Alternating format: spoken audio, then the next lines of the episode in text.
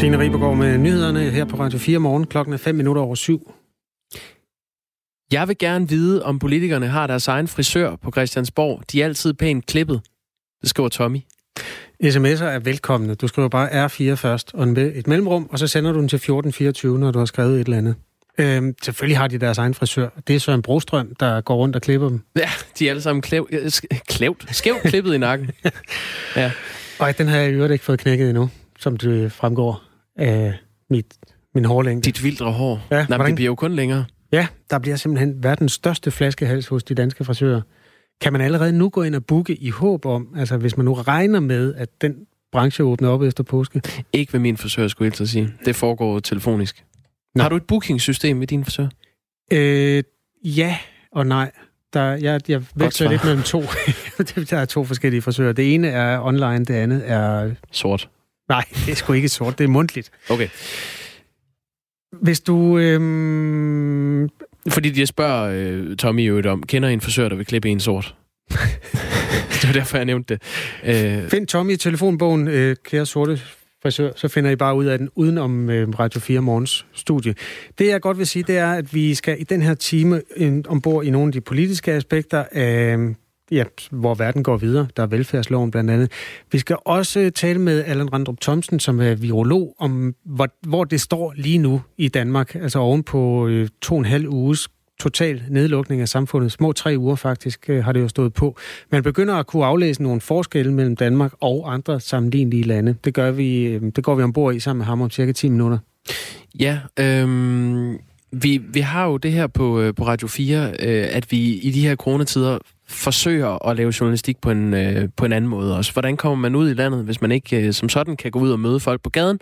Øh, vi vil rigtig gerne høre om, hvordan øh, den her øh, periode, den her historiske periode, påvirker øh, din situation, din hverdag. Øh, hvad får du tiden til at gå med? Hvem savner du at kramme? Øh, hvad lærer du? Øh, har du fået nogle nye erkendelser af at gå rundt derhjemme sammen med familien og skulle få det hele til at gå op i en højere enhed, eller gå rundt alene øh, og vente på at, at kunne komme ud? Øh, du kan skrive ind til os på reportagesnabelagradio4.dk, og øh, så kontakter vi jer med mere øh, information. Og man er også velkommen til at optage små lydklip. Det kan man gøre på sin, de fleste smartphones. Og, øh, og så ved hæfte dem en mail og sende til reportage radio4.dk. Og det er jo fordi vores kolleger, som banker de der reportager sammen, allerede nu er godt er klar over, at det her det er et stykke Danmarks historie, som skal dokumenteres. Og, mm. og det er jo altså din hverdag, som udgør det stykke Danmarks historie. Så hvis du har, ser dig selv som et, øh, et element i, i det radioprogram, som på et eller andet tidspunkt skal illustrere, hvad de her meget mærkelige uger, de egentlig har gjort af, så må du meget gerne nu allerede tænke over det. Og så er det altså mailadressen reportagesnabelag radio4.dk, hvor du kan stemple ind. Må jeg øh, lige dele en øh, oplevelse fra det virkelige liv? Ja, det synes jeg, du skal gøre. Når jeg køber ind, Øj, så skal vi snakke altså, om det? Ja, skal vi ikke det? Jo, det kan vi godt gøre. Øh, jeg oplever ikke, at det er hele den danske befolkning, der har forstået, at man skal holde afstand til hinanden. Heller ikke, selvom der i mange supermarkeder er de der hold afstand øh, banner i gulvet, altså simpelthen klistret på gulvet, så man kan se, at man skal stå to meter fra hinanden. Det er den regulære notching, hvor de fleste kan regne ud, hvor de skal stå. Men lige så snart ja. de ikke er ved de stri... Nå, det kan de ikke engang. Nej, det, det oplever jeg ikke, nej. Er du meget følsomt anlagt over for, at et menneske står mindre end to meter fra dig? Ikke øh, normalvis, men jeg er rimelig følsom omkring, om, om nogen hoster mig ind i ansigtet. Altså, jamen, jeg bare ved, ved køledisken og ved kassen har jeg flere gange oplevet, øh, særligt ved kassen, at jeg øh, øh, står ved at betale, og så den næste kunde, øh, det er måske et par, så, hvor den ene så går ned og passerer mig, altså ligesom øh, i den her lille gang, hvor jeg står med mit dankort, mm. øh, presser sig bag om mig, og så stiller sig lige ved siden af mig, der hvor jeg skal stå og pakke varer sammen, og så står vedkommende så og venter på, at, at hans varer bliver kørt igennem. Det oplevede jeg så sent som i forgårs. Okay. Og det var øh, et hostende det, menneske, eller hvad? Øh, ja, det var i hvert fald ikke et menneske, der øh, på den måde øh, lagde bånd på sig selv. Jeg synes, der er mange ting, vi ikke har fået lært i, i forhold til de butikker endnu. Ja, kom, del dine erfaringer. Jeg synes bare, at vi skal også aftale, at man gør sig klart, altså man, man øh, tager det der mindset øh, på, der hedder, det kommer nok til at koste penge det her, så jeg finder mit øh, dankort frem, inden at jeg får at vide, hvor mange penge det bliver. Fordi der er den der flaskehals i forvejen ved, at et menneske, der kan kun stå et, hvis vi skal overholde reglerne, der kan kun stå et ned for, for enden af mm. varebåndet, et menneske er gangen og pakke. Og det vil sige, det, det dur ikke, at man er alt for længe om at få afsluttet sine transaktioner og få puttet tingene ned i poser. Så der, jeg synes måske, det kunne være den næste pep-talk fra Mette Frederiksen. Frem med det dankort der allerede, eller have det eventuelt inde i en handske. Det kan man vist nok godt i de her øh, touch-tider. Ja, man kan også have det på sin øh, telefon, hvis man har den der famøse smartphone. Øh, det er jo derfor, man har fjernet øh, bonddelerne i supermarkedet. Det er jo for, at folk ikke står så tæt i kø. Så er man nødt til at lade alle varer køre igennem, og så er det næste tur. Ui, det er Hvad med kontanter? Synes du, det er okay?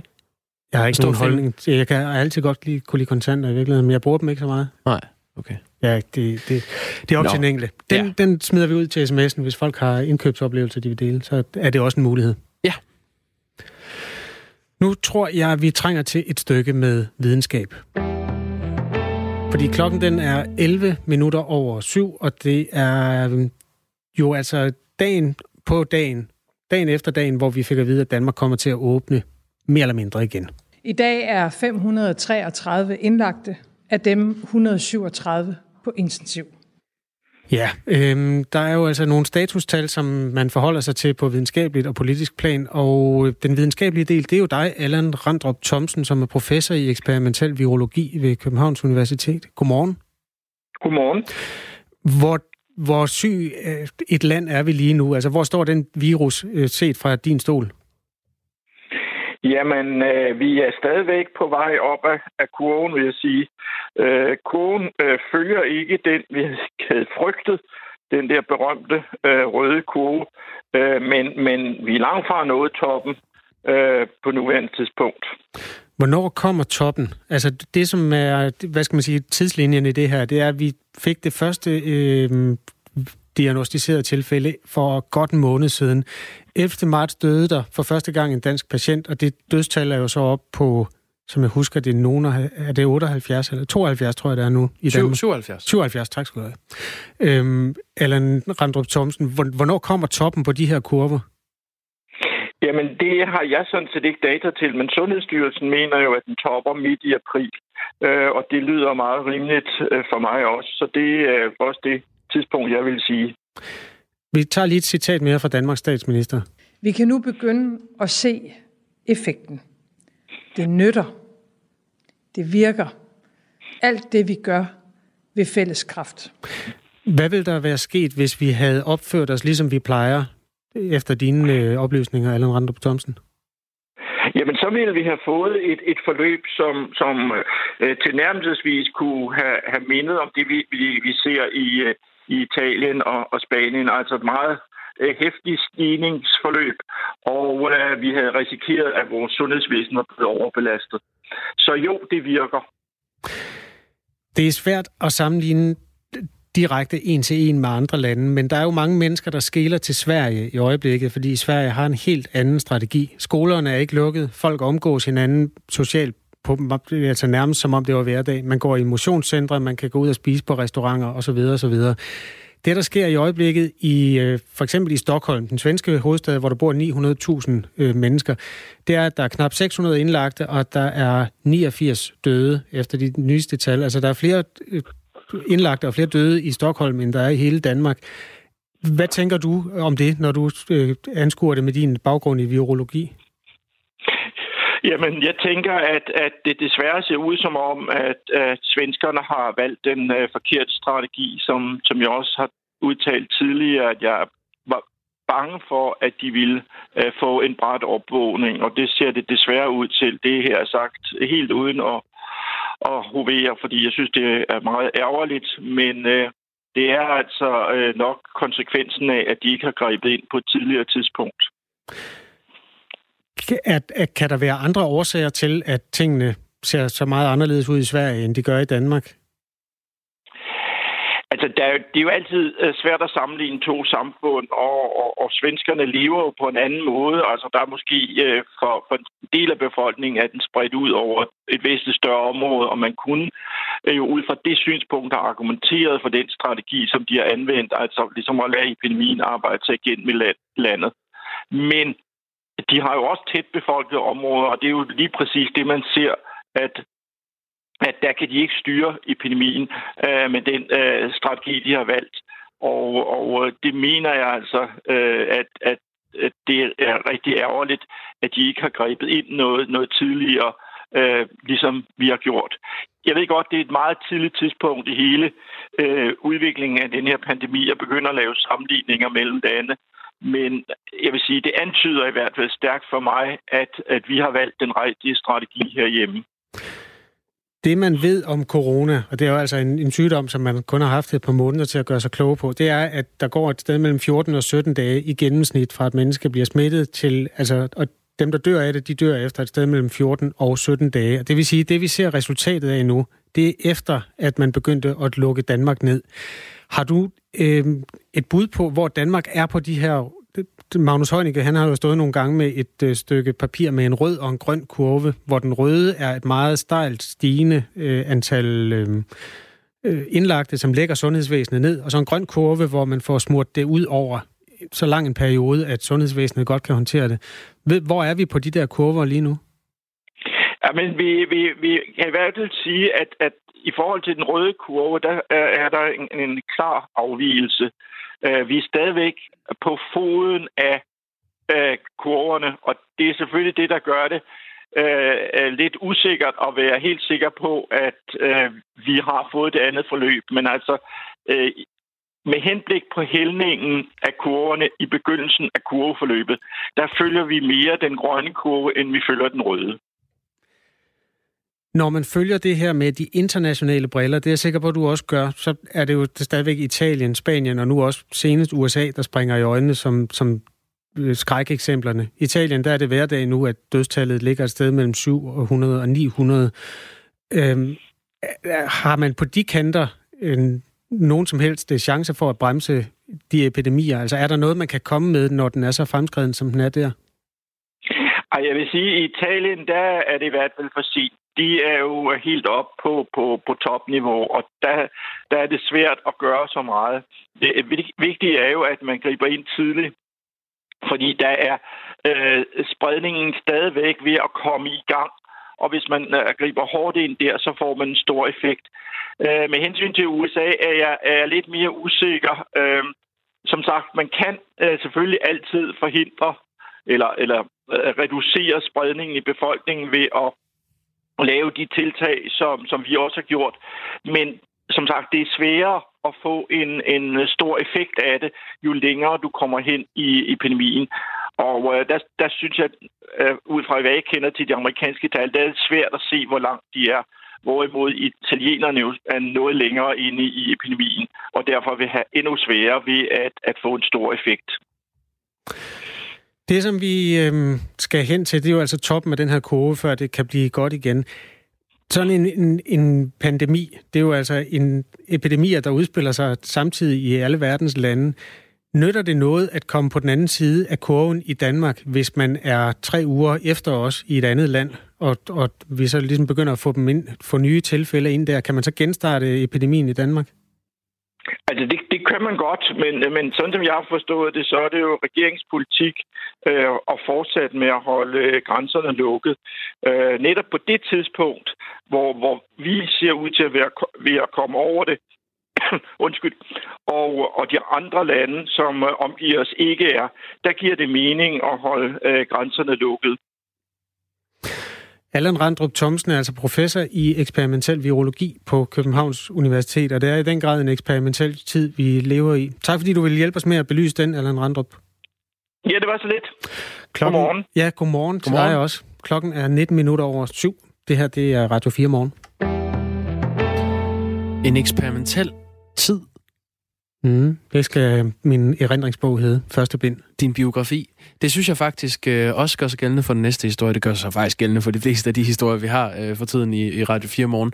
Øh, normalt er det jo en, øh, en praktiserende læge, som kan henvise en patient til en speciallæge eller et sygehus. Men i den kommende tid, så kan henvisningen på en måde gå den anden vej, fordi Foreningen af, øh, af praktiserende speciallæger har nemlig tilbudt deres hjælp til hospitalerne, øh, som efter alt at dømme kommer på, øh, på en eller anden form for overarbejde i de, de kommende uger med, øh, med med den her coronaepidemi. Øh, Foreningen af praktiserende speciallæger har nemlig indgået en aftale med regionerne om at tage patienter fra hospitalerne og så behandle dem ude i deres praksiser. Nu kan vi sige godmorgen til Kirsten Ilkær, formand for Foreningen af praktiserende speciallæger. Godmorgen. Ja, godmorgen. Godmorgen. Øh, Hvad, hvad er det for nogle patienter, som, øh, som nu skal behandles hos jer øh, for at aflaste hospitalerne? Øh, det kunne være en lang række patienter. Først så vil jeg sige, at vi er jo rigtig glade for, at vi har fået den her mulighed, fordi det er vores øh, måde at bidrage til at vise øh, samfundssind og være solidarisk med vores kolleger inden på sygehusene, som, som du sagde også, at øh, vi må se i øjnene, at de kommer til at løbe, løbe endnu stærkere her i den kommende tid. Øh, og så kan det være med til at sikre behandling for, for, for andre patienter.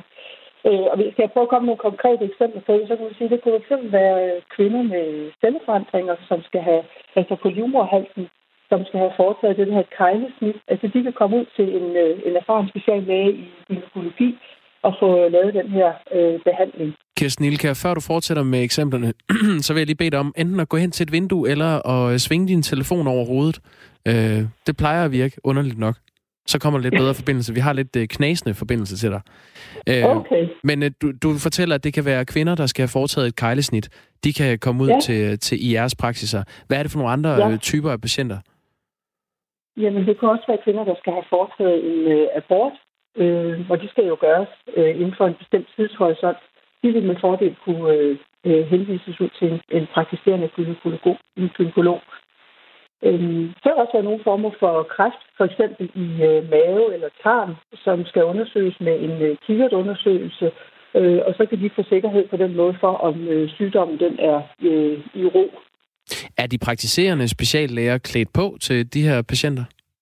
Ja, bestemt. Altså, det er jo nogle patienter, som der er stor erfaring i at se i forvejen. Så det er, det er alt sammen noget, som, øh, som vi har stor erfaring i øh, at behandle, undersøge og behandle.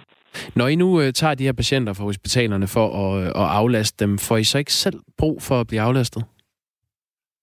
Vi, vi får forhåbentlig også travlt, havde jeg sagt, for det er jo den måde, som vi også kan aflaste øh, sygehusene på. Øh, så, så det vil vi sætte noget ekstra tid af til, og også parat til at sige, at vi giver det en ekstra skalle. Øh, vi tænker jo, at det er en periode, at det her det vil, øh, vil stå på. Så det, det mener vi godt, vi kan overskue. Øh, hvordan kan I sikre, Kirsten Ilkær, at, øh, at de her patienter de får en lige så god behandling hos jer, som de vi har fået ude på, på hospitalerne? Jamen, det er jo noget, vi allerede på forhånd har sikret, at de patienter, der behandles ude hos os, øh, de får en, øh, en behandling af meget høj kvalitet, og de bliver set af nogle speciallæger, som er erfaren og har stor erfaring i, og, øh, erfaring i at behandle lige præcis øh, de sygdomme. Så det er jo allerede noget, der er sikkert på forhånd. Det er ikke noget, vi skal til at gøre i den her situation.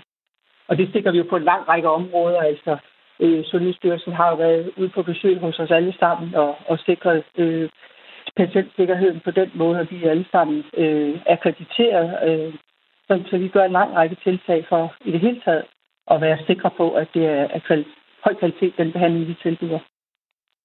Så der findes 1000 øh, praktiserende speciallæger i Danmark, og øh, den nye aftale skal altså frigøre ressourcer, sådan at, at lægerne og sygeplejerskerne på hospitalerne kan fokusere 100% på at behandle coronapatienter. Øh, mm. Henvisningerne til de øh, praktiserende læger kommer til at foregå centralt, så øh, praktiserende speciallæger. Så når hospitalet vurderer, at, øh, at patienten kan behandles hos en øh, speciallæge, så kan man nøjes med at ringe til en enkelt læge, der er, øh, øh, står for at, at få det her øh, formidlet. Ja. Der er en visitator der, ja. Ja, Ja. og det er så øh, vedkommendes opgave at finde en speciallæge, som er tæt på, der kan tage over.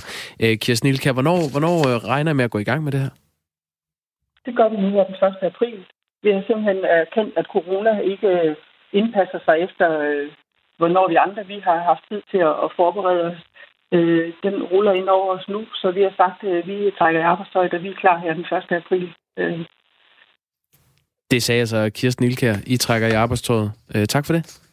ja, tak skal du have. Formand for øh, Foreningen af Praktiserende Speciallæger og med på en øh, lidt knitrende telefonforbindelse. Klokken er 7.24. Der er ikke ret meget, der er, som det plejer at være. For eksempel kan man ikke sidde og se sport i sit fjernsyn. Der er ikke ret meget sport at vælge imellem. Nej, du så noget snooker på et tidspunkt. Er det også aflyst? Jeg ved det ikke. Man bliver så død træt af snooker, så jeg har simpelthen øh, bare valgt at slå fjernsynet. Men øh, der er jo håb forude i en vis forstand. Øh, den den øh, liga, man skal hænge sin hat på, er jo stadig den hvide russiske. Fodboldliga? Ja, Ja. Øh, den hedder Premier League, så på den måde får man jo dækket et behov allerede der. Okay. I øjeblikket der er der spillet to kampe. Øh, øverst i ligaen, der ligger FC Minsk. Ja. Som har 6 point for to kampe. Nummer to er nogen, der hedder Energetik BGU, som har 6 point for to kampe. Flot. Ligeledes. Nummer tre er Islok. Mm. Nummer fire er Torpedo Strodino. Øhm, det, der egentlig er det interessante ved det her, det er, at det, det hårdt arbejdende nyhedsmedie Ekstrabladet Ja. har lavet et meget nødvendigt rundspørg til de danske kanalchefer eller sportschefer, indkøbere af fodboldrettigheder. Når der nu er ikke andet at vælge mellem, kunne I så finde på at øh, simpelthen købe rettighederne til den hvide russiske liga. og jeg vil ikke øh, spoile hele, jeg vil bare sige, at det, der bliver sagt utrolig, utrolig enstemmigt øh, kæmpe fedt nej tak. Kunne I så forestille jer... Nej. Nå, Det hvad, godt nok ikke. Kan du ikke, kan du ikke uh, læse noget højt? Jo, det vil jeg gerne, og med tak til Ekstrabladet. Øhm, som først ringede og spurgte øhm, Christian Hylgaard, som er kanalchef for TV2 Sport, og den sportskanal, der hedder Sport X. Jeg citerer, vi takker pænt nej tak. den hvide russiske liga er, er slet ikke på vores radar. Det er fint, at de spiller, og det giver i sig selv mange politiske diskussioner, som jeg ikke ønsker at kommentere, siger Christian Hylgaard, der er kanalchef for TV2 Sport. Mm. Nå, videre til Nent-koncernen, som har Viaplay og TV3-kanalerne. Mm, her lyder svaret sådan her. Jeg forstår godt, at danskerne hungrer efter live-fodbold. Det gør vi også. Grundlæggende er hvide russisk fodbold ikke et interesseområde for os. Det er ikke en komplet afvisning, som jeg hørte. Nej, det er det selvfølgelig ikke. Men så siger han så nej tak. Han siger kæmpe nej tak. Ja. Kim Mikkelsen, øh, han siger sådan her, det, det er ham, der er head of sports, og dermed, det betyder sportschef. Jeg kender ikke fodbolden i Hvide Rusland, og jeg ønsker ikke at købe signalet til Greyhound hund løb, eller Greyhound løb i England. Vi fortsætter pt. med vores daglige udsendelser, og så finder vi klassiske opgør frem, siger Head of Sport Kim Mikkelsen, altså til Ekstrabladet. Så sidestiller han lige Greyhound øh, hundevedløb med øh, hviderussisk fodbold. Det tror jeg faktisk er en super fin sammenligning. Jeg tror, at de to ting er lige præcis lige interessante. Øhm, vil du have et sidste, de har talt med en tredje også? Ja, ja, kom. Det er Discovery, som har Eurosport-kanalerne, og 6'eren og kanal 9. Det er en af de tunge drenge, jo. Ja, det må man nok sige. Kommunik- kommunikationschefen der, han hedder Kasper Felt. Mm. Han siger, vi, kommuni- vi kommenterer aldrig på rettigheder, og det skal man hverken tolke i den ene eller den anden retning. Det var da et mystisk svar. Ja, Nå, men det er et nej. Det, det Tænker jeg. tænker jeg også. Ja. Ekstrabladet har også gjort det meget nødvendigt at spørge sig selv, Ja. øh, nemlig at spørge sportschefen Allan Olsen, oh, om, om det var noget. Altså, om det var noget ekstrabladet skulle til at dække. Jeg tror ikke, at folk vil kaste sig over det. Desuden er usikkerheden, også om øh, fodbolden i Hvide Rusland, bliver lukket ned for stor. Øh, hvis vi nu skulle lede efter den danske vinkel, det prøver vores producer at gøre derude, som ikke er særlig fodboldinteresseret. Øh, øh, spiller der nogen danskere i Hvide Rusland? Jeg har aldrig hørt om danskere, der er blevet solgt til hvide russiske klubber. Jeg tænker også, det er, der, det er den bedste måde at komme af radaren inden for dansk sportspresse, det er ved at blive solgt til en hvide russisk klub. Jeg tror simpelthen ikke, det er vejen frem for nogen som helst. Men øhm, Nå, men de spiller endnu, og vi havde jo historien om i går, at øh, Lukashenko Mm. øh, i øh, øh, Hvide Rusland, øh, præsidenten, har sagt, man skal bare gå i marken og arbejde. Vask sine hænder i øh, øh, vodka. Ja. Tag et par shots, så skal det nok gå. ja, det, det, det er vejen til at vinde over coronaen. Ja. Indtil videre er der øh, 0, som jeg husker det, fra den seneste opdatering. 0, øh, der er døde af corona i Hvide Rusland. Ja, det tror jeg også er korrekt, ja. Og jeg tror, hvis jeg var hvide russer, så ville jeg meget nødig være den første, der gik op til Lukashenko og sagde, at jeg har fået det. Så indtil videre er der ikke nogen, der har det. det er, de er i marken alle sammen, undtagen fodboldspillerne. Og på samme vis øh, indtil videre ingen hvide russisk øh, fodbold i danske medier. Det er nyheden. Tak til Ekstrabladet. Klokken er i øvrigt i forhold til alle mulige andre nyheder blevet næsten halv otte. Jeg tror lige, vi tager et overblik ved Signe Ribergaard.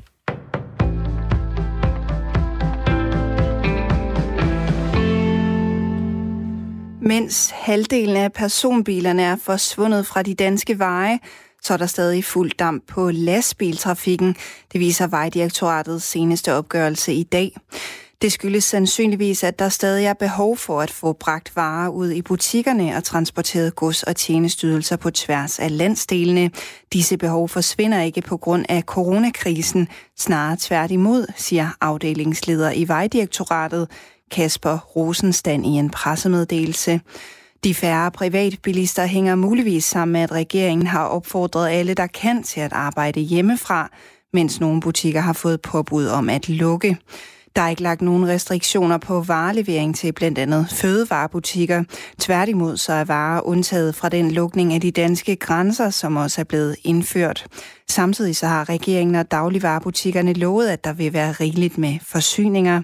Vejdirektoratets tal viser, at der var særlig stor aktivitet for lastbilerne den 13. og 14. marts.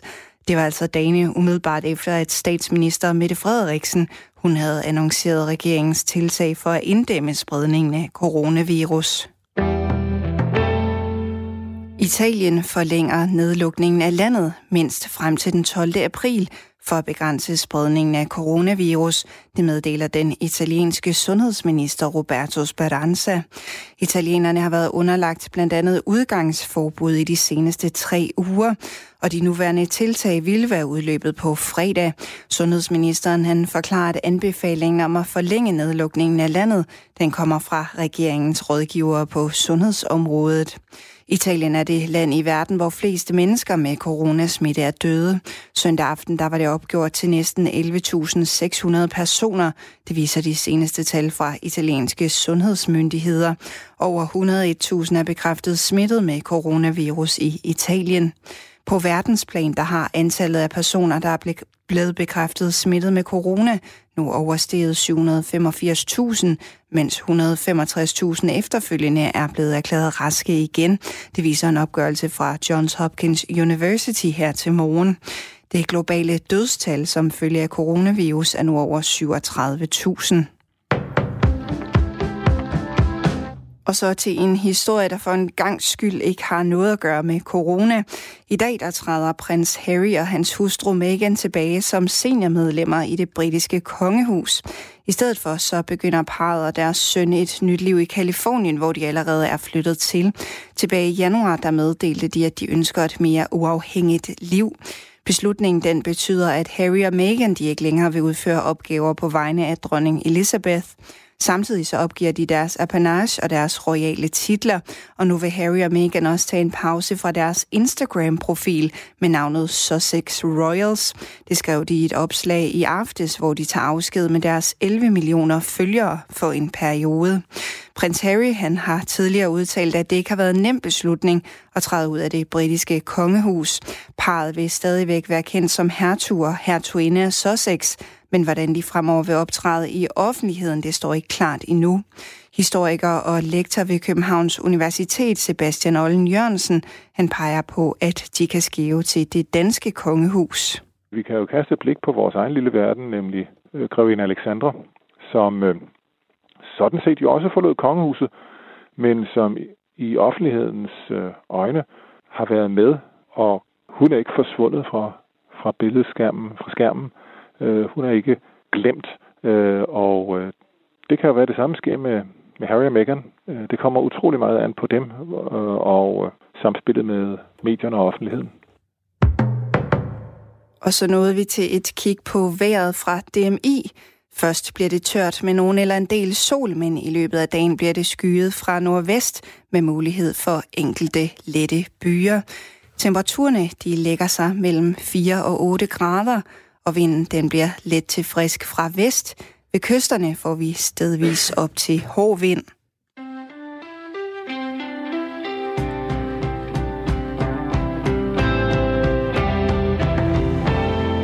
Signe Ribergaard er øh, hende, der står i nyhedsstudiet. Kasper Arbo og Jacob Rosen står her i øh, det andet studie. Og øh, Radio 4 Morgen er stadig i fuld gang. Godmorgen, hvis du lige er stedet på. Godmorgen og velkommen til en dag, der hedder 31. marts. Meget kan man sige om den her tid, men det er nogle rigtig smukke dage, vi får. Det er en, ja, solen er begyndt at knalde ned over os. Det kunne have været værre, det kunne have regnet. Det gjorde det altså uafbrudt lige indtil coronaen kom. Og det talte vi så meget om, og nu har vi glemt det. Ja, og øhm, således opmuntret til, at øh, Danmark og verden måske endda går en lille smule videre. I går fortalte øh, Mette Frederiksen jo til os, at øh, landet måske kan blive åbnet op igen efter påske. Faktisk skete der det, at den lille, men rigtig vigtig del af Danmark åbnede, eller åbner allerede i dag. Det er genbrugspladserne. Der øh, har jo været åbnet for erhverv, men de private får nu også lov. Øh, blandt dem er vores reporter Anders Vore, som er med på linjen nu. Du står og skræmmer lidt, Anders. Har du noget med? Ja, ja det er, jeg står herude på genbrugspladsen i Lystrup. Og ja, som du så rigtigt sagde, Kasper, så er det en frostklar morgen, og solen skinner, selvom det er rigtig, rigtig koldt stadig. Jeg kigger på mit ur, og genbrugspladsen har nu været åben i nøjagtigt 34 minutter.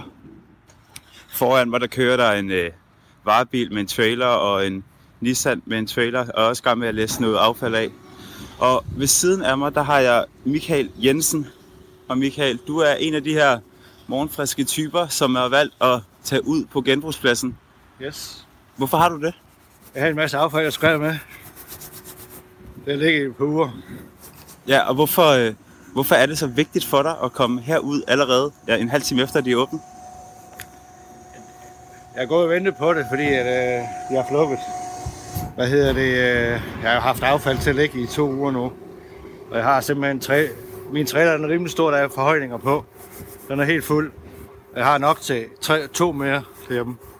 Hvordan, Så hvordan jeg føles er bare, det Jeg er så? bare nødt til at med det. Hvordan føles det så at komme af med dit affald? Jamen, det er da dejligt. Så jeg har ventet på, at de åbne. Jeg har tænkt, det er sgu åndssvagt, de har lukket. Jeg har, jeg har faktisk tænkt, de skulle gøre sådan her, som de gør nu, med at kun lukke et vist antal ind ad gangen. Ja, Og de står alligevel med rimelig god afstand, kan man sige, ikke? og du har ikke nogen, øh, du har ikke dårlig samvittighed af, om, eller af at komme herud nu, selvom øh, der lige er blevet åbnet, og man skal passe på med den her coronasmitte. Og jeg har tænkt på det, men altså, jeg, jeg tog chancen, og så prøvede jeg. Ja, det går, og der var jo ikke ret bange herude, så, så det var fint. Ja, det var en lille stemningsrapport herudefra. Jamen, øh, bare bliv ved, Anders. Prøv at se, om du kan finde nogle flere. Fordi der er, øh, altså, der er ikke nogen steder, hvor man taler så godt om livet, som på sådan en genbrugsplads. Der er også sådan en form for... Jamen, der, der, der, der sker alt muligt mellem mennesker derude. Også bare den der, når man jagter hinanden bakke med traileren. Mm, Den- okay. Ja, Steffen Brandt. Han har jo skrevet en sang om det. Kanten- bakke med trailer. På kanten af småt brandbart. En TV2-sang. Nå, Det er et hit. den, handler den om skal jeg da have hørt, ja. Tak Ja. for det. Vores reporter Anders Vore er der altså derude. Vi øh, vender tilbage. Han, han befandt sig på en genbrugsplads i Lystrup i det nordlige Aarhus. Ja. Og hvis vi lige skal tage faktaboksen, så kan vi sige, det var jo kommunernes landsforening, som har udstukket retningslinjerne om, at genbrugspladserne ikke var kritisk infrastruktur, og derfor ikke behøvede at være åbne under den nedlukning, som stadig er i gang. I øh, nogle kommuner, Silkeborg i hvert fald, der har øh, genbrugspladserne forblevet åbne de sidste tre uger. Og det er fordi, det er et aktieselskab, der ejer genbrugspladsen, og derfor ikke en del af det øh, domæne, som KL bestemmer over. Folk i Aarhus, øh, som er den kommune, hvor Anders han befinder sig, er blevet anbefalet ikke at flokkes øh, her til morgen på genbrugspladserne. Det siger den øh, lokale formand for KL's Miljø- og Forsyningsudvalg eller han er jo så formand for ja, alle kommunernes for, miljø- og forsyningsudvalg, han hedder Jakob Bjerregaard. Altså lad være med at flokkes. Heller ikke på genbrugspladsen. Det må man ikke. Kan vide, hvordan det øh, foregår i praksis? Hvis man kommer ud med sin trailer, og så ser man bare en kø af biler. Så må man lige enten vente eller øh, cirkulere lidt rundt i området. Hvis du er en af dem, der stempler ind, fordi du har gået og samlet skrald hjemme på din egen matrikel de sidste to-tre uger, så må du meget gerne øh, sende os en stemningsrapport. Du skriver en sms, der starter med R4 og et mellemrum, og så en lille beretning om, hvor du er i skraldefødekæden øh, der. Og så sender du den til 1424. Det er der en, der har gjort. Vanvittigt at genåbne genbrugspladserne. For få dage siden talte vi alle om, at øh, vi kun måtte mødes to-tre personer, og nu er genbrugspladserne genåbnet. Det er da mixede signaler at sende. Jeg kan simpelthen, og det er helt fra min egen private rygsøjle det her, jeg kan simpelthen ikke se, at, at genbrugspladserne er værre end dagligvarerbutikkerne på nogen måde. Altså det er fri luft, og man står jo ikke øh, mindre end en meter fra hinanden. Det synes jeg faktisk, du har ret i. Men det er jo... Ja, du er velkommen til at, at skrive igen, hvis du har et, nogle bestemte steder, hvor du synes, at genbrugspladserne udgør en kæmpe sundhedsrisiko. I det hele taget skal man bare skrive ind, hvis man har lyst. Klokken er 7.39. Og i dag, den 31. marts, skal Folketinget stemme om regeringens hastelov. Det er en lov, der øh, midlertidigt giver myndighederne mulighed for at forbyde forsamlinger helt ned til to personer, og samtidig uddele bøder og fængselsstraffe til personer, der for eksempel øh, stjæler håndsprit eller bruger coronakrisen på en eller anden måde til at berige sig selv. Men flere partier i Folketinget har været i tvivl denne her gang. Og øh, en af dem, der har været rigtig meget i tvivl, det er dig, Rosa Lund, demokratiordfører for Enhedslisten. Godmorgen. Godmorgen. Hvad kommer du til at stemme i salen i dag øh, i forhold til den her hastelovgivning? Ja eller nej? Jeg tror, at det, der kommer til at ske, det er, at enhedslisten kommer til at stemme gult, altså undlade at stemme til det her lovforslag. Og det er ellers noget, vi øh, meget sjældent gør i enhedslisten. Hvorfor gør I det? Øh, jamen, det gør vi, fordi at det her lovforslag, det jo indeholder øh, dobbeltstraf for øhm, eller faktisk firedobbelt straf, hvis man snyder med de her hjælpepakker, som staten har lavet. Altså en firedobbelt straf for økonomisk kriminalitet. Og det er jo noget, vi har arbejdet længe for i enhedslisten, og der kommer hårdere straffe til økonomisk kriminalitet. Øh, vi har også fået igennem, at der kommer en solnedgangsklausul, altså at loven bliver revideret allerede til november, og så har vi fået igennem, at øh, at det her ikke kommer til at betyde fængselsstraf, hvis man som almindelig ansat på plejehjem eller i sundhedssektoren kommer til at tage en flaske håndsprit med hjem. Når vi alligevel stemmer gult, jamen så er det fordi, at det her lovforslag det kommer til at indføre en meget stor stramning på udlændingeområdet, som vi ikke synes retssikkerhedsmæssigt eller logisk giver nogen mening. Mm, altså de der tiltag, du taler om, I har fået igennem i enhedslisten, er det simpelthen jer øh, egenhændigt, der har fået det det er øh, regeringens øh, støttepartier, Enhedslisten, SF og Radikal Venstre. Og så skal jeg lige forstå, hvorfor stemmer I så ikke for, når I har fået så mange ting med, som I, øh, I står på? Sige, grund til, at vi ikke stemmer for, det er, at det her lovforslag er fuldstændig uproportionelt i forhold til udvisning af udlændinge. Det er sådan i dag, der er der meget, meget stramme regler for udvisning i Danmark. Og det, det her lovforslag går ind og gør, det er, at det går ind og siger, at nu må man så udvise udlændinge, som øh, på en eller anden måde begår det her øh, såkaldte coronakriminalitet. Og det er jo ikke, fordi vi synes, det er i orden at begå kriminalitet. Det er, det er, fordi vi synes, det er meget mærkeligt, at man skal sendes ud af landet, når man har boet mange år i Danmark. Men sådan er det jo i politik. Man får ikke alt det, man, øh, man kunne ønske sig, men så går man ind på nogle af de ting, man får med. Så hvorfor stemmer I så ikke imod, hvis I er imod de øh, tiltag? Jamen, fordi at der som sagt også er nogle ting i det her lovforslag, som vi er for, og som vi øh, virkelig kan støtte, nemlig det her med, at øh, der kommer firedobbelt straf, hvis man snyder med hjælpepakkerne. Men hvis I stemmer gult eller blankt øh, på den måde, så tager I jo ikke rigtig stilling. Og det er en fuldstændig rigtig og, øh, og vigtig pointe. Og det, som jeg synes, der er det store problem her, det er, at regeringen de går ind og afskriver det store flertal og det store sammenhold, der har været omkring øh, at lave indsats i forhold til coronalovgivning. Og derfor så synes jeg, det er meget, meget underligt, at regeringen går ind og vælger at gå den her vej, som de godt ved ikke er noget, alle partier kan støtte. Det er altså regeringen, der fraskriver sig den store mulighed, der er for et samlet flertal omkring indsats øh, mod coronakriminalitet. På det her pressemøde, øh, som øh, statsministeren øh, holdt i går, så, så fortalte hun jo, at man langsomt kan begynde at planlægge en genåbning af samfundet efter påske. Øhm, kan du ikke sætte nogle ord på, Rosalund, hvorfor vi overhovedet skal have en hastelov nu? Jamen, det kan jeg godt.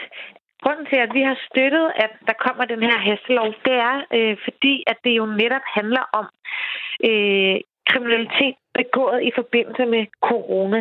Det vil altså sige, at det vil jo ikke give nogen mening at vedtage sådan en lov, eller overhovedet diskutere sådan en lov, øh, efter det ikke er relevant længere. Så, så der er vi så gået der, hvor vi kan sige, jamen vi støtter regeringen i, at vi godt kan diskutere de her ting nu. Vi støtter så bare ikke regeringen i deres tiltag og i, i det, øh, som de foreslår omkring det her. Og jeg må sige, at jeg er oprigtig ked af, oprigtig ked af, at regeringen ødelægger den mulighed, der har været de sidste to uger for at samle Folketingets partier for at sikre et bredt politisk flertal omkring det her. Det, de gør nu, det er ikke, at de sikrer et bredt politisk flertal. Mm. Det, de gør nu, det er, at de indgår en aftale med højrefløjen om udlændingsstramninger. Det er altså ikke udlændinge, som begår den her forfærdelige øh, kriminalitet, hvor man stjæler værnemidler. Hvorfor stemmer I så ikke imod? Jamen, det gør vi ikke, fordi der er nogle ting i det her lovforslag, øh, som vi bakker hele hjertet op om, som nemlig handler om, at, øh, at hvis man snyder med statens hjælpepakker, jamen, så skal det give firedobbelt straf. Det er der fuldstændig langt ude. Øh, hvis en virksomhed vælger at snyde med de penge, man får af staten, de penge, man får for netop at skulle klare sig igennem øh, den her krise. Men, men det er jo sådan, som, som jeg også sagde før, at man ikke øh, altid får alting. Det ved du øh, endnu bedre end jeg, så ja, i politik. Ja, det ved jeg måske om nogen.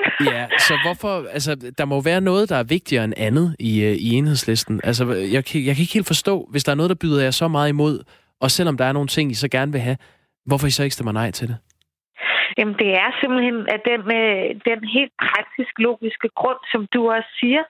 Øh, man, får, man kan ikke få alt, men man kan få øh, nogle ting. Og vi har fået nogle ting. Det, der så bare også er sket, det er, at der er også kommet en, en tredje ting ind i det her lovforslag, som for mig at se er fuldstændig ude i skoven, fuldstændig øh, helt, helt urimelig, nemlig det, at man nu kan udvise udlændinge for meget, meget simpel kriminalitet. Det er altså ikke noget, vi normalt bruger i Danmark. Og jeg synes, det er med til at tegne et billede af, at det skulle være udlændinge, der skulle begå den her coronakriminalitet, og det er jo ikke tilfældet. Men så kan jeg simpelthen ikke forstå, at I ikke stemmer nej. Jamen, det er jo så igen, fordi der er de her øh, tiltag i, hjælpepakker, øh, i forhold til hjælpepakkerne, at der er den her solnedgangsklausul, og at vi har sikret, at den helt almindelige socioassistent, sygeplejerske eller hjemløse, for den sags skyld, der kommer til at tage en håndsprit med hjem i lommen, ikke bliver dømt med fængsel. Den bliver jo vedtaget alligevel så. Altså nu, nu får I så de der ting igennem. Jeg ved ikke, hvad, hvad viser den her gule stemme øh, jeres vælgere? Jamen det, som den her gule stemme ikke blot viser vores vælgere, men viser regeringen, det er, at vi simpelthen ikke vil være med til at give udlændinge skylden for coronakriminaliteten, når det ikke er udlændinge, der har skylden. Det giver for mig at se ikke nogen mening. Det sagde Rosa Lund, demokratiordfører for Enhedslisten, som altså stemmer blankt i øh, salen i dag. Tak fordi du var med. Det er så lidt. Øhm, Kasper, må jeg ikke lige hurtigt oprise, for nu taler vi om en hastlovgivning, som vi ikke lige har opridset. Hvad er det egentlig, der, der er for nogle beføjelser i den her lovgivning? Jamen, det er da rart for folk at vide. Ja, øh, den vil give regeringen mulighed for at lukke eksempelvis legepladser, øh, og politiet vil helt kunne forbyde adgangen til bestemte områder, hvor man har en mistanke om, at mange mennesker vil samle sig. Øh, Øh, regeringen præsenterede den her hastelov i sidste uge. Øh, samtidig vil regeringen have hastebehandlet endnu en ændring af epidemiloven, som skal give mulighed for at tage endnu hårdere midler i brug. Og øh, det gælder også øh, helt konkret, at regeringen i fremtiden vil have mulighed for at skærpe den nuværende lov om, at man maksimalt må forsamles 10 personer. Helt ned til to personer øh, skal man kunne... Øh, Ja, man må godt være to personer, men ikke mere end det. Og øh, på den måde vil regeringen, altså med den her lov, kunne sætte grænsen ned, så man kan have færre personer samlet. Det er sådan hovedtrækkende. Jamen, øh, det er i, er det i eftermiddag, eller hvornår det stemmer? Det er, ja, i dag. Godt, så ved vi mere i morgen og kan følge op på sagen. Vi kan måske mellemlande på øh, lave os en lille ø med nogle af de sms'er, der er kommet ind. Ja. Yeah. På, og det er jo altså ikke på, på hasteloven, men mere på generelt det fænomen, der hedder, at genbrugspladserne åbner igen. Nogle af vores lyttere er meget kritisk indstillet over for, om der skal være åbent, og man skal have lov at se hinanden der. Ja, øhm, genbrugsstationer er helt det samme som fødevarebutikker, men det er da tankevækkende, at det er den største bekymring, om der er åbent eller ej. Er der en, der skriver? Jeg er nødt til at korrigere. Det er simpelthen ikke det samme som fødevarebutikker. Altså smitterisikoen er ikke den samme. Det kan den simpelthen ikke være. En fødevarebutik er et sted, som er under tag. Det er indendør. Du går rundt, og du samler ting ind og putter i din indkøbsvogn, som andre mennesker har rørt ved. Om ikke andet, så er de butiksansatte. Det gør man ikke. Det må, må man faktisk ikke gøre på en losplads. Du må ikke tage ting med derfra. Du må kun aflevere ting. Og du kan godt, hvis du er en lille smule dygtig, lade være med at røre ved noget som helst, som ikke er dit eget.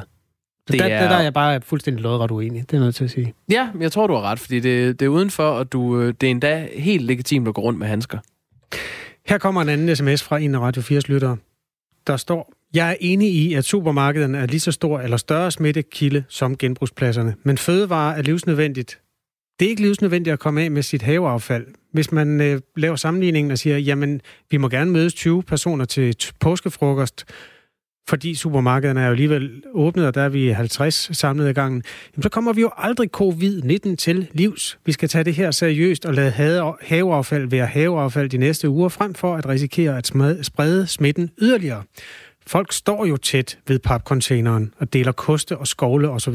på genbrugspladserne. Der er masser af smittekilder, og det er vi nødt til at tage seriøst, står der her. Ja, vi skal undlade, at du kommenterer på den, Kasper. Men du må gerne kommentere på den her. Man taler så godt om dart på genbrugspladsen. Det er det fantastiske spil, der lider så frygteligt under covid-19. Hvad ja. har du at sige til det? Det er Tommy Ligård i øvrigt, der skriver. Jeg har bare tilbage at sige tak, Tommy. Klokken er 10 minutter i 8. Nu skal vi tale om kultur. Kulturminister Joy Mogensen er kommet under hæftig beskydning for ikke at hjælpe kulturlivet nok gennem øh, coronakrisen. Og midt i den her uenighed, der står blandt andre de danske teatre, som ser ud til at få en aflyst forårssæson, og derfor håber på en økonomisk håndsrækning fra kulturpolitikerne. Godmorgen, Allan Ågaard. Godmorgen. Teaterdirektør på Aarhus Teater, som har aflyst alle forestillinger forløbig frem til efter påske. Øhm, det hører med til historien, at Allan Ågaard, du er også øh, bestyrelsesmedlem i brancheforeningen Dansk Teater. Hvordan, hvor, hvor slemt har det ramt Aarhus Teater for at starte der? Jamen, det har jo ramt os på den måde, at øh, vi lukkede ned øh, samtidig med, at statsministeren lukkede ned for, for Danmark, så aflyste vi øh, alle forestillinger, som øh, galt til og med den første periode, som udløb 29. marts. Og så har vi så igen måttet øh, aflyse de øh, forestillinger, som skulle øh, afvikles her frem til den 14. april forløbig. Vi prøver at planlægge efter det, vi ved, og ikke så meget efter, hvad det er, vi tror lige for øjeblikket. Det, som der så er sket, det er jo en masse mennesker, har siddet med nogle billetter, som de ikke får noget ud af. Hvil, hvilke regler har der galt for jer der? Har I skulle betale folk til pengene tilbage? Øh, ja, for billetter, der er omfattet af forbrugerbeskyttelsesreglerne, det vil sige, at vi kan ikke bruge øh, de force majeure-regler, som man i øh, professionelle forhold kan bruge, så vi har øh, udstyret alle de, der købt billet med et øh, gavekort, og det gavekort, det kan man vælge at indløse kontant, eller man kan vælge at gemme det til en senere forestilling, eller man kan vælge at rive det i stykker, så dermed donere det som en slags støtte til Aarhus Teater. Er det samme måde, man håndterer det på i alle teatre? Nu har du en form for overblik, når du er bestyrelsesmedlem der i brancheforeningen. Ja, der er mange teater, der har, der har brugt den fremgangsmåde, ja. De danske teater har været lukket ned siden øh, statsministerens pressemøde 11. marts, og blandt dem, der er ramt, er jo altså Aarhus Teater, som vi taler om nu. Øh, Odense Teater meldte ud i sidste uge, at alle forårets 77 forestillinger er aflyst. Og endnu værre er det gået fra Fredericia Teater, som øh, meldte ud om en konkurs. Den melding kom den 16. marts. Den handler om meget andet end corona, men ikke desto mindre en historie om en branche, der har det lidt hårdt. Regeringen har allerede nu lavet flere hjælpepakker, altså over for virksomheder, som kan få lønkompensation for at hjemsende medarbejdere. Der er også spillesteder, som kan få kompensation for de billetter, de må refundere. Men den ordning kan I ikke bruge. Vil, vil du forklare, hvorfor det hænger sådan sammen? Det er sådan skruet sammen, at øh, vi får mere end 50 procent af vores drift finansieret via offentlige midler, fordi vi er på finansloven, og en del andre teater er på, øh, på støtte eller fra tilskud fra kommunerne. Og øh, hvis man får mere end 50 procent i, i støtte eller tilskud, jamen, så kan man ikke øh, omfattes af de her hjælpepakker, som regeringen har lavet. Så derfor så er vi øh, et langt stykke hen ad vejen øh, på vores, vores egen bane for øjeblikket, så vi kan ikke søge lønkompensation, vi kan ikke søge omsætningstab for, for aflyste arrangementer og forestillinger. Så I får en del penge i forvejen, kan man sige. Hvorfor synes I, at staten har til opgave at kaste endnu flere penge ind i, i, i den krise, som I befinder jer i? Altså, vi ønsker ikke, at vi skal stilles bedre end, end, end andre erhvervsgrene, han har sagt. Øh, men, men lige for øjeblikket føler vi måske, at vi bliver dobbelt ramt Øh, for det første, fordi vi skal øh, betale øh, billetter tilbage til de, som har købt forestillinger, og det er sådan set rimeligt nok. Men man skal huske på, at øh, mange af de forestillinger, som vi aflyser, eller faktisk stort set alle forestillingerne, der har vi afholdt omkostningerne til, og vi er bundet af nogle kontrakter, som vi heller ikke kan komme ud af. Så vi har en masse omkostninger, som vi hænger på, samtidig med, at vi skal aflevere alle de indtægter, vi skulle bruge. Øh, så derfor sidder vi lidt i en, i en dobbeltdæmme. Kultur... Det er ikke om, at vi skal behandles bedre end andre, men vi vil gerne kunne sidestilles med, med andre erhverv. Kulturministeren hedder Joy Mogensen, og hun har sagt, at øh, tiden er faktisk ikke til at tænke på kultur lige nu. Det vil være upassende af hende at diskutere kultur. Hvorfor, altså jeg kan forestille mig, at du er uenig i det. Hvorfor synes du, det er vigtigt at tænke på teater og kultur i den her krisetid?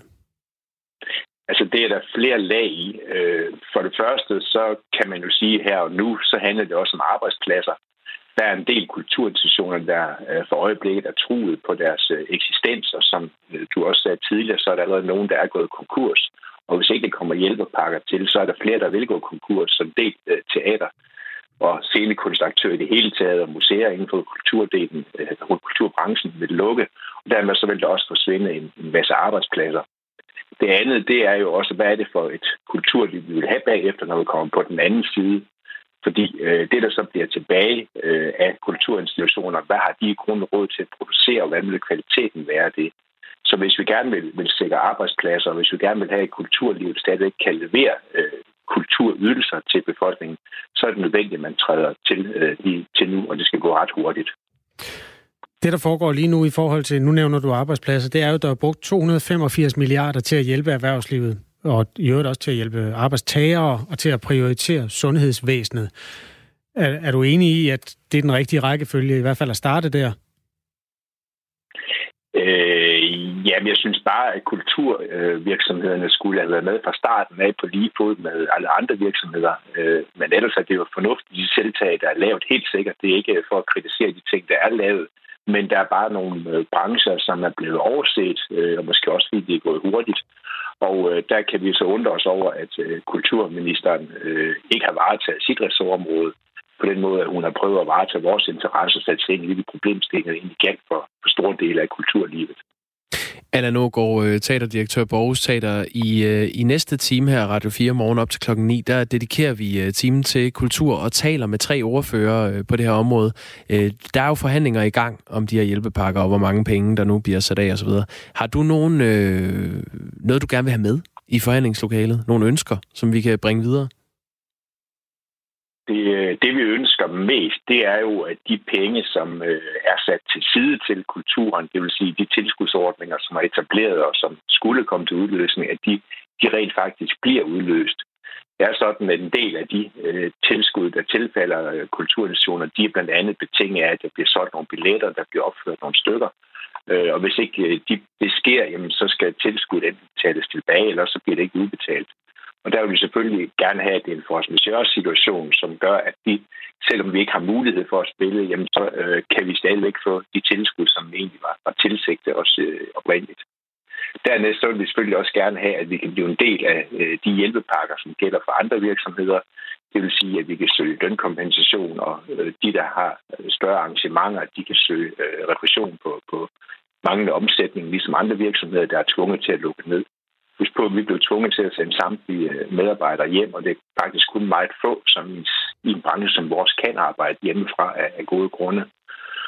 Og for det tredje, så vil vi også gerne have, at øh, vi får øh, givet kommunerne mulighed for at hjælpe mange øh, teater, specielt måske øh, de små teater, børneteater, som øh, lever af at sælge skoleforestillinger øh, og, og andre ting, øh, at de øh, får deres øh, billetter øh, refunderet eller betalt af kommunerne, selvom forestillinger ikke spilles, fordi de har også afholdt omkostninger til mange af deres forestillinger, og dermed så vil det kunne understøtte dem også. Vi har en lytter, der hedder Lars, der har skrevet en sms ind. Øhm, hvad med at spille de der forestillinger, efter viruset er overstået? Øh, det kan kun lade sig gøre for nogle ganske få af de forestillinger, fordi man skal huske på, at øh, det er øh, folk, som er på tidsbestemte kontrakter, der laver de her forestillinger. Det er gæsteinstruktører, det er gæsteskuespillere, det er gæstescenografer osv.